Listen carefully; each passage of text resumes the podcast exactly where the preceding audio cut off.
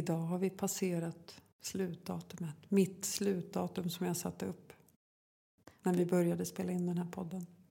Mm. Jag vet inte riktigt om vi har nått dit jag trodde, men Nästa våg har inte kommit än. nej. Den är på gång. Den är på gång och vi tittar i, eh, läser i tidningen med skräckblandad förtjusning Mm. kan man väl säga. Mm. Men du, vi, vi, temat idag är ju inte en andra våg utan temat idag är ju prestation ska vi prata om. Mm. Det är intressant tycker jag. Det här med prestation både på, eh, ja, men, i en idrottshall eller på sin arbetsplats eller ja. Mm. Ja, men det är Och intressant. jag är rätt fascinerad över de här idrottsstjärnorna som har såna enorma prestationskrav och de är drillade i att bara, bara, bara prestera. Det handlar bara om att vinna en tennismatch eller vad det nu kan vara. Mm. Att maximera den stunden och Ja. att, att mätas på det. Bara mätas på prestation. Mm. Vad kan, händer om vi förankrar det i arbetslivet? För så är det ju inte. Så är det ju inte i arbetslivet. Eller? nej, så ska det ju heller inte vara. Eller jag tänker att det är bra om vi kan skilja lite på att man inte bara är sina prestationer kanske. Nej, men, Men- man kanske skulle kunna mäta lite mer. Mm, det är lite osvenskt också. Mm. Vi är lite mjuka, vi lindar in rätt mycket, gör vi inte det? Jo, men alltså, vi började tänka på det här när vi, också, när vi pratade med Sofie. Mm.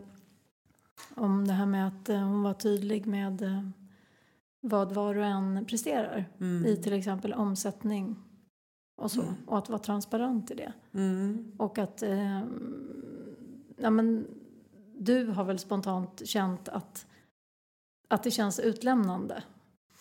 Ja, men precis. Jag, jag har jobbat med sälj hela mitt liv, men, men eller stora delar av mitt liv. Ehm, men jag har inte riktigt varit med om de organisationerna där ens namn åker upp på tavlan varje måndag för att se liksom hur man ligger till.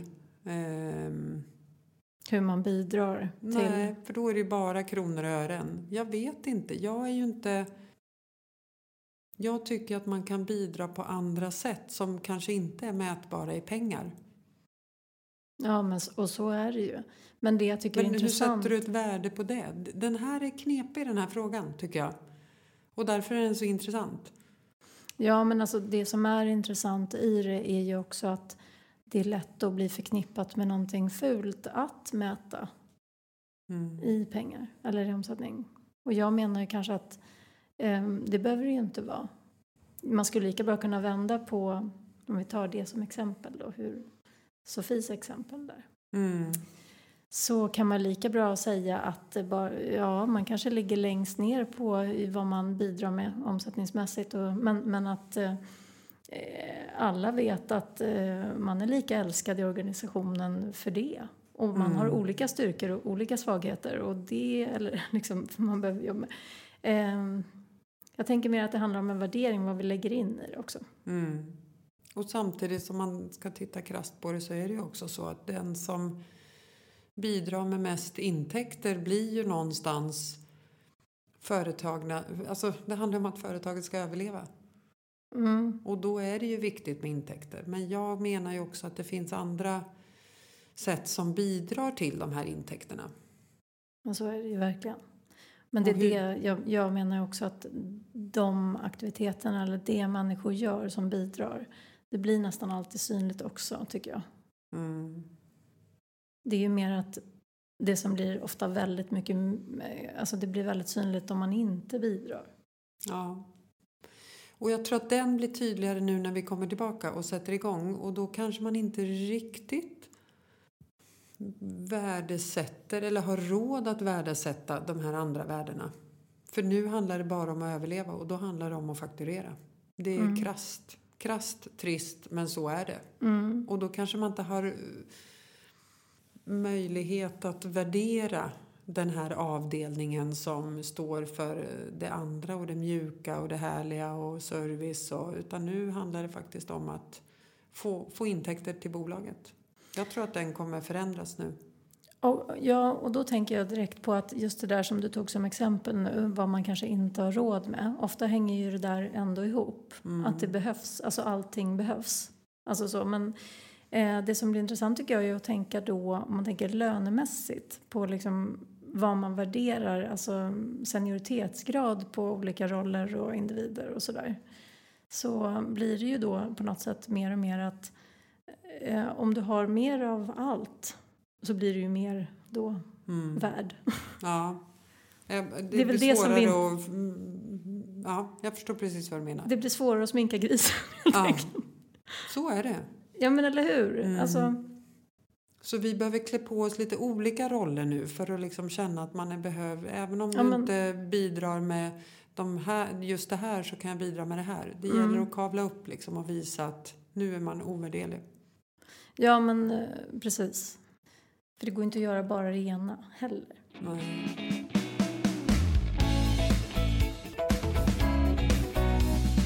Men är det fult att slänga upp de här siffrorna i en organisation? Jag har ju liksom aldrig varit med om det, men, men är det fult? Jag tänker att det handlar lite om hur, hur, ehm, vad de grundläggande värderingarna är. För att i en snäll organisation där man bryr sig om varandra och där människor vill vara och där de trivs och eh, så det, tror inte jag alls att det är fult. Då är det transparent liksom. Mm. Och en tydlig kommunikation i så här, så här ser det ut och eh, det är det här och det här vi behöver åstadkomma. Men eh, om det är en ganska, om det inte är det, om det, är ganska, det omvända. Mm. Mm, då tror jag att eh, nu kan det vara mer skrämmande. Mm. Och sen återigen vad man har för roller. För jag tänker de här renodlade säljarna som säljer bilar till exempel. De är ju väldigt vana att bli värderade på x antal bilar som de har sålt per vecka, per dag, per månad och så vidare. Och värdet i det. Men en organisation som inte bara består av säljare, eh, de är inte vana vid att bli utvärderade på det sättet. Så där har man ju en större omställning att göra. Mm. Tror du inte det? Jo, jag sitter också och tänker på um, det här vad som är sälj och att man eh, kanske behöver bara lära sig att kommunicera på ett annat sätt. Mm. Och så har man fått till en helt annan säljapparat. Att det är så många som inte tycker att de jobbar med sälj men som, eh, som egentligen gör det. Mm. Men att man bara behöver... Men det är ju också för att sälj är något fult. Man vill inte liksom kopplas ihop med sälj, tror du inte? Du menar att många tänker så? Ja, många tänker så. Mm. Men vilka företag jobbar inte med sälj? Liksom? Det handlar ju om sälj hela tiden på ett eller Ja, annat sätt. precis. Och det är det jag menar att det gör det ju hela vägen. Mm. Från administration till marknadsföring till Mm. ekonomi till HR till... Allt är ju sälj Mm. på ena eller andra sättet. Hur jobbar du med sälj i din organi- I organisation? min Ja, där Ja. du... Ehm, ja, men det är en bra fråga egentligen. Men, nej, men det handlar ju väldigt mycket om att, att bidra till ett mervärde för kunden genom min leverans. Mm. Och jag menar ju att eh, när man utgår både från en individ och från organisationen eh, så, så, så blir det ett mervärde. Mm. Och det missgynnar varken individen eller organisationen. Men, men där handlar det ju om en väldig finkänslighet i vad mot, man måste ju förstå liksom företagskulturen till exempel. Mm. För att man ska kunna bidra till ett mervärde. Men ringer du kalla samtal? Nej, det gör jag inte. Nej. Har inte tid med det. Annars skulle jag göra det. Mm. Utan du får mer in dina uppdrag för att eh, du har gjort bra leveranser och så kommer det mer och så pratas det och så är det kontakter. Och... Ja, och sen så kan man väl säga att jag har jobbat indirekt eller direkt med sälj i liksom 15-17 år. Mm. Så att man har redan gjort ett stort förarbete. Ja, ditt kontaktnät är ju Ja, där. Mm. precis. Och jag menar, jag är 46 idag. Jag har ändå jobbat några år. Mm. Så att sälj har jag ju jobbat med på ena eller andra sättet i alla, alla år. Mm. Det gör man ju. Mm. Men sen så menar jag att det ser ju så olika ut vad sälj är. Mm. Men jag menar, så länge man är angelägen om att en kund ska vara nöjd med leveransen så är det ju sälj. Mm. Oavsett. Men där är ju lite utmaningen upplever jag det här med som du säger att du ska leverera och du ska ha, göra en bra process samtidigt som du hela tiden ska ha fotar, fot, fötterna igång. För du kan aldrig liksom släppa säljet. Även om du har tre härliga kunder som köper så måste du fortsätta att springa. För snart tar de slut, de uppdragen. Mm. Och då måste du... Det var ju som Sofie berättade som var här för några veckor sedan. Och sa att plötsligt så var det tomt i pipen. Mm. Och då förstod vi att herregud, vi måste springa. Och det där får ju inte hända. Det kan ju inte vara tomt i pipen. Nej. Du, så att du måste ha säljfotarbetet igång hela tiden. Spelar Mm. ingen roll hur mycket leveranser du sitter i och hur mycket kundmöten. Du måste hela tiden springa. Och då är det ju, springa betyder så mycket olika saker. I min, I min verksamhet så handlar det ju mycket om att eh, vara hyfsat nära kunden och förstå de aktuella utmaningarna som är. Mm. Och, och jag tycker att utmaningen är ju liksom både det strategiska och det operativa. Att Mm. vara däremellan. Mm. Eftersom jag drivs ju så väldigt mycket av att faktiskt göra det operativa jobbet som jag gör. Mm. Och så ska man kunna däremellan ha, ha tiden för det här som du pratar om. Mm. Alltså de förutsättningslösa mötena med kunderna eller potentiellt nya kunder. Mm. Och prata eh, hur man kan bidra till ett mervärde Mm. som är då på ett mer strategiskt plan. plan. Men det där har man ju varit med om i olika organisationer som man har jobbat att nu ska vi ta in renodlade säljare som bara sitter och lyfter lur och ska sälja vår produkt. Jag har ju inte, jag säger inte att det är värdelöst, men jag säger att jag har aldrig varit med om att det har varit lyckosamt.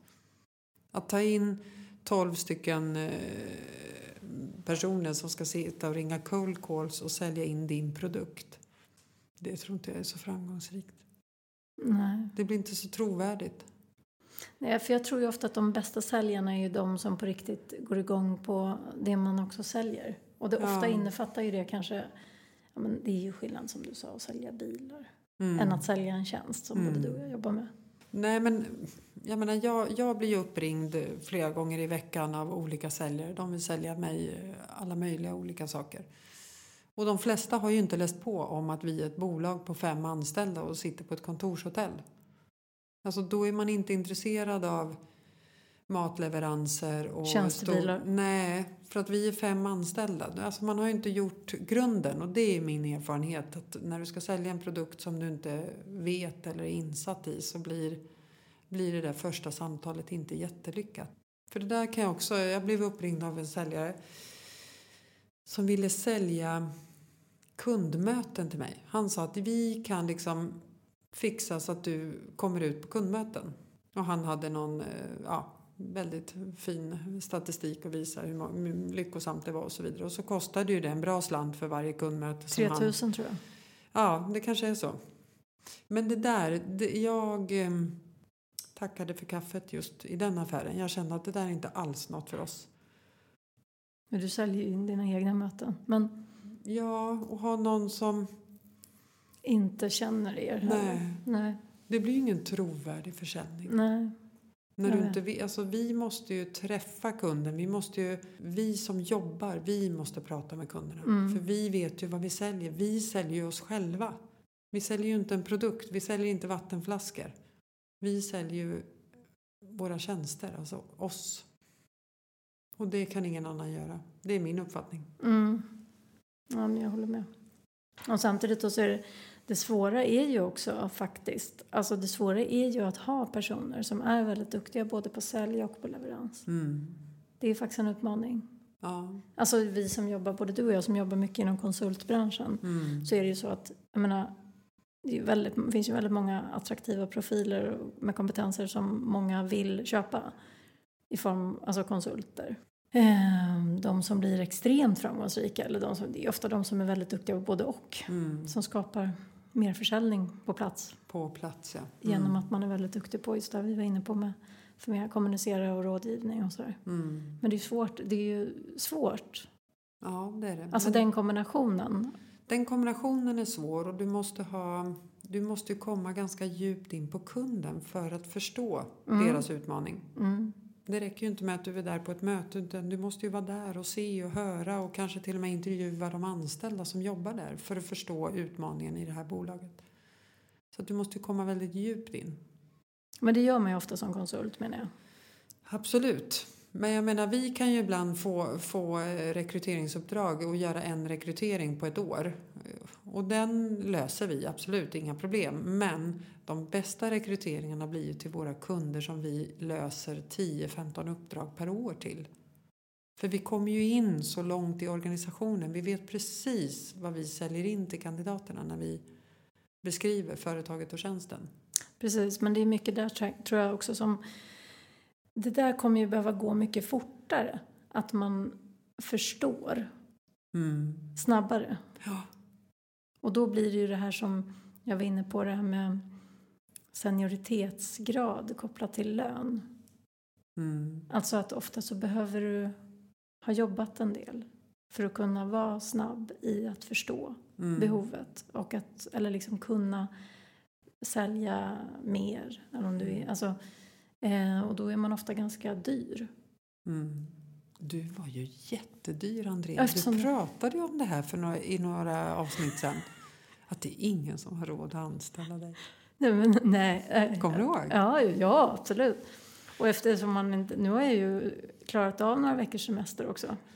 Ja, Så nu har jag blivit lite billigare. nu har du gått ner i pris. Mm. Nu kanske, ja, det kanske är någon där ute som vill anställa Andrea. Är det så? Ja, ja, Är du på jakt? Nej, då har vi andra problem. Nej, jag vill, jag, jag, man får gärna köpa mina tjänster.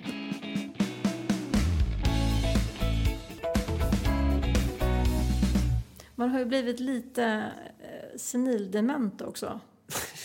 alltså, ja, men det Ja, liksom, man blir, lite, blir alltså. lite, lite trögare där uppe. Det går långsamt. Ja, ibland går det lite långsammare. De säger att det är bra, att man ska, eller jag brukar säga att det är bra om man har levt med ganska extrem stress under en längre period. Mm. Då brukar jag ge rådet att göra sånt som drar ner tempot och att framkalla tröttheten. För det finns en latent trötthet där som man inte känner när man ligger på ganska höga kortisolnivåer. Mhm. Jag tänker att eh, det är där vi är. Vi är lite tröttare för att vi har... Du tycker att det går trögt här hos Bergholtz. Ja, men, Ja, vi, vi har ju kommit tillbaka också efter lite ledighet. mm. Ehm, är det därför? Vi har kommit ner i varv. Ja, men man brukar bli lite långsammare då. Mm. Och det är det jag tror att det är, jag tror att det är positivt. För dig och mig så tror jag att det är väldigt bra. Eftersom vi ska snart öka upp tempot till 200 procent. Ja, och det behöver gå rätt fort. Ja. För nu behöver vi ju sätta fart på det här Maskineriet maskineriet. som kallas Sverige. Mm. Nu ska det faktureras. Det är lite så. Jag gillar ju vardagen, alltså jag gillar ju att jobba. Eller liksom att, att det finns en tydlig struktur kring saker och Mm. ting. Semester och sommarlov i all ära, men sen när barnen snart börjar skolan och komma in i rutiner, det är... Jag tycker att det är lite härligt. Ja, jag tycker också det är härligt. Det är skönt att vara ledig några veckor, men alltså, Vad vore livet utan att jobba? ja, och komma in lite som, ja det låter jättetråkigt, men alltså komma in i rutiner. Jag tror att alla mår bra av det, Mm. stora som små. Mm. Allt bara flyter ihop. Det äts hela tiden, från morgon till kväll, för alla har lite olika tider. För man för fan. vaknar, ja, precis. Man vaknar olika tider. Det står alltid en, en stekpanna igång någonstans. Nej, det är inte så charmigt. Nej. Nej, jag håller med. Sen tycker jag ju att det är väldigt så här... Det, har varit, nej men det, är ganska, det, är, det är lite eh, skönt för mitt huvud också att komma ur rutiner för att eh, man blir lite mer kreativ tycker jag. Mm. Jag kan ju tycka att jag är så kreativ och lösningsorienterad annars. Men det blir ju ändå inom ganska lika områden. Mm. När jag är ledig så här lite längre så tycker jag att jag, det händer saker. Men kommer du på grejer som du ska göra då? Eller kommer du på saker som du ska förändra? Eller vad, vad är det du kommer på när du är ledig? Jag menar att saker landar mer i mig. Saker som Mm. jag kanske har sagt och tycker och har varit rätt. Men att det inte riktigt är förankrat hos mig själv. Nej. Apropå vad vi pratade om sist, det här med förankra förändring. Mm. Så kan jag vara väldigt snabb i att förstå att saker behöver göras på ett annat sätt och hur jag ska göra det. Och jag gör det ju. men lite för snabbt nästan alltid för mitt eget bästa. Många skulle kanske låta det landa ett tag innan man genomför. Mm. Och då har man ju landat själv kanske. Och Men- då har du landat själv i det? Exakt. Ja, men exakt. Men, men jag har liksom gjort innan det har gjort det. Ehm, och det är bra Mm. om man tittar ut, ur överlevnadsperspektiv. Mm.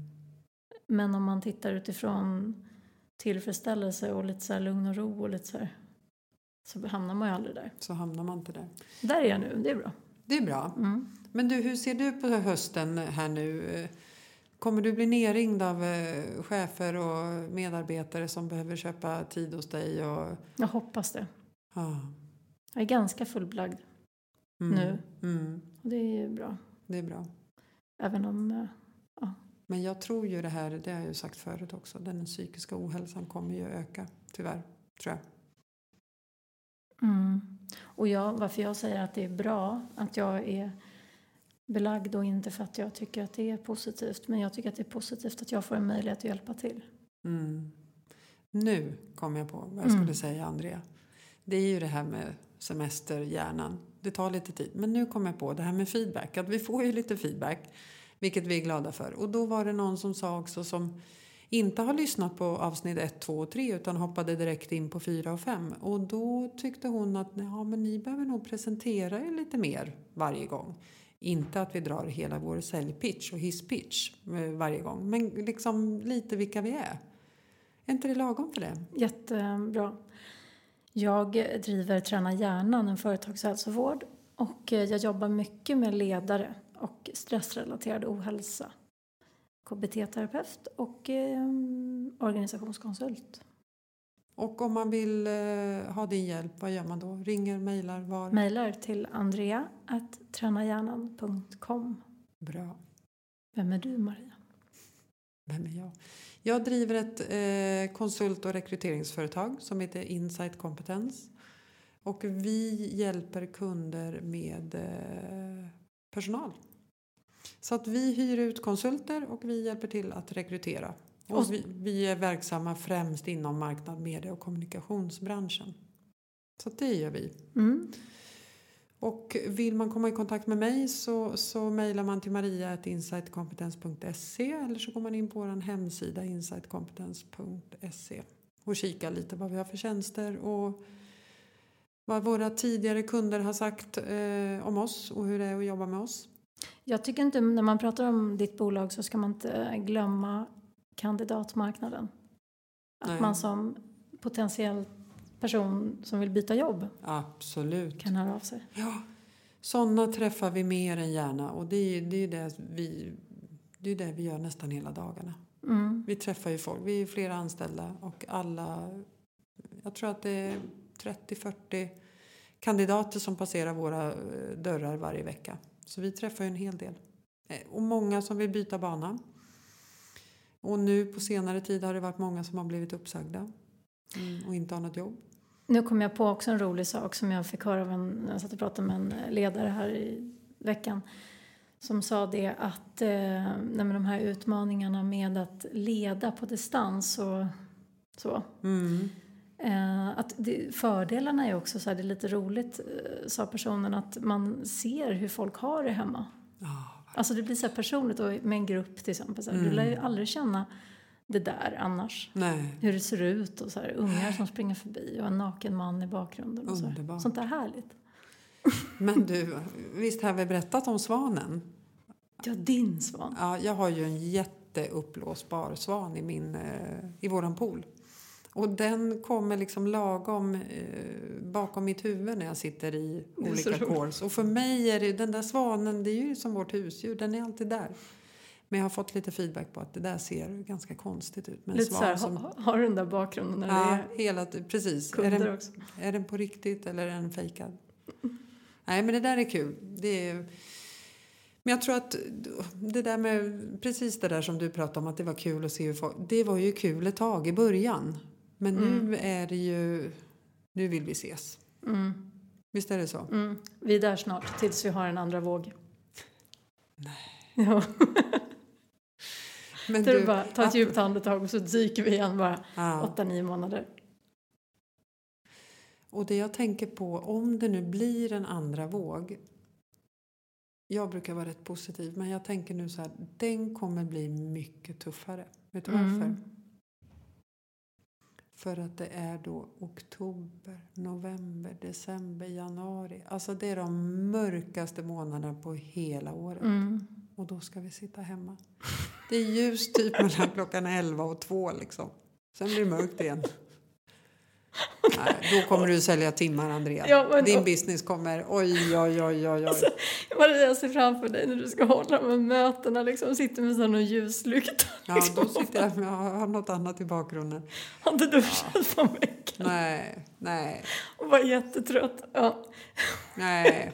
nej det, där, är- Ja. det är härligt att kunna jobba hemma, jag tycker det är fantastiskt Ja. men det är faktiskt inget för mig. Och vi hade faktiskt i mitt team hade vi en eh, sommarlunch för, några, ja, det var innan vi gick på semester. Och det var, det var så underbart att träffa alla igen. Mm. Det är ju verkligen så. Man, man sa, alltså, ja, digitala möten i all ära, det är klart det funkar, men det är inte samma sak. Nej, men det är det inte. Det Absolut. går inte att ersätta. Det går inte att ersätta. Nej. Vi skippar det där med den andra vågen. Mm. Så kör vi på istället. Så kör vi på. Nej, men för att bara summera lite av, av dagens eh, samtal. Så det här med sälj tycker vi är väldigt spännande. Eh, och vi kan väl ställa lite högre krav och vara lite tydligare och sätta upp lite tydligare mål. Det kan man väl sammanfatta. Ja, och omdefiniera kanske lite vad som är sälj. Mm. Att vi alla jobbar med sälj. Vi alla jobbar med sälj på ett eller annat sätt. Men att man behöver kanske optimera lite grann utifrån den roll man har. Eller? Mm. Mm. Ja, Men det kanske får avsluta den här, det här avsnittet och sen vill vi gärna att ni mejlar och ringer oss och ger oss lite uppslag på annat innehåll. Vi är ju väldigt eh, nyfikna på vad ni vill lyssna på och vad vi ska ta upp för ämnen. Och sen Mm. kanske vi har en gäst snart igen. Det Det, det vi. tyckte vi var väldigt kul, eller hur Andrea? ja verkligen. Vi fick lite mer smak och känner att nej men vi ska nog bjuda in en gäst eh, lite då och då. Vi gör så. Eller hur? Mm. Vi säger så så länge. Bra. Tack André. Tack. Hej då.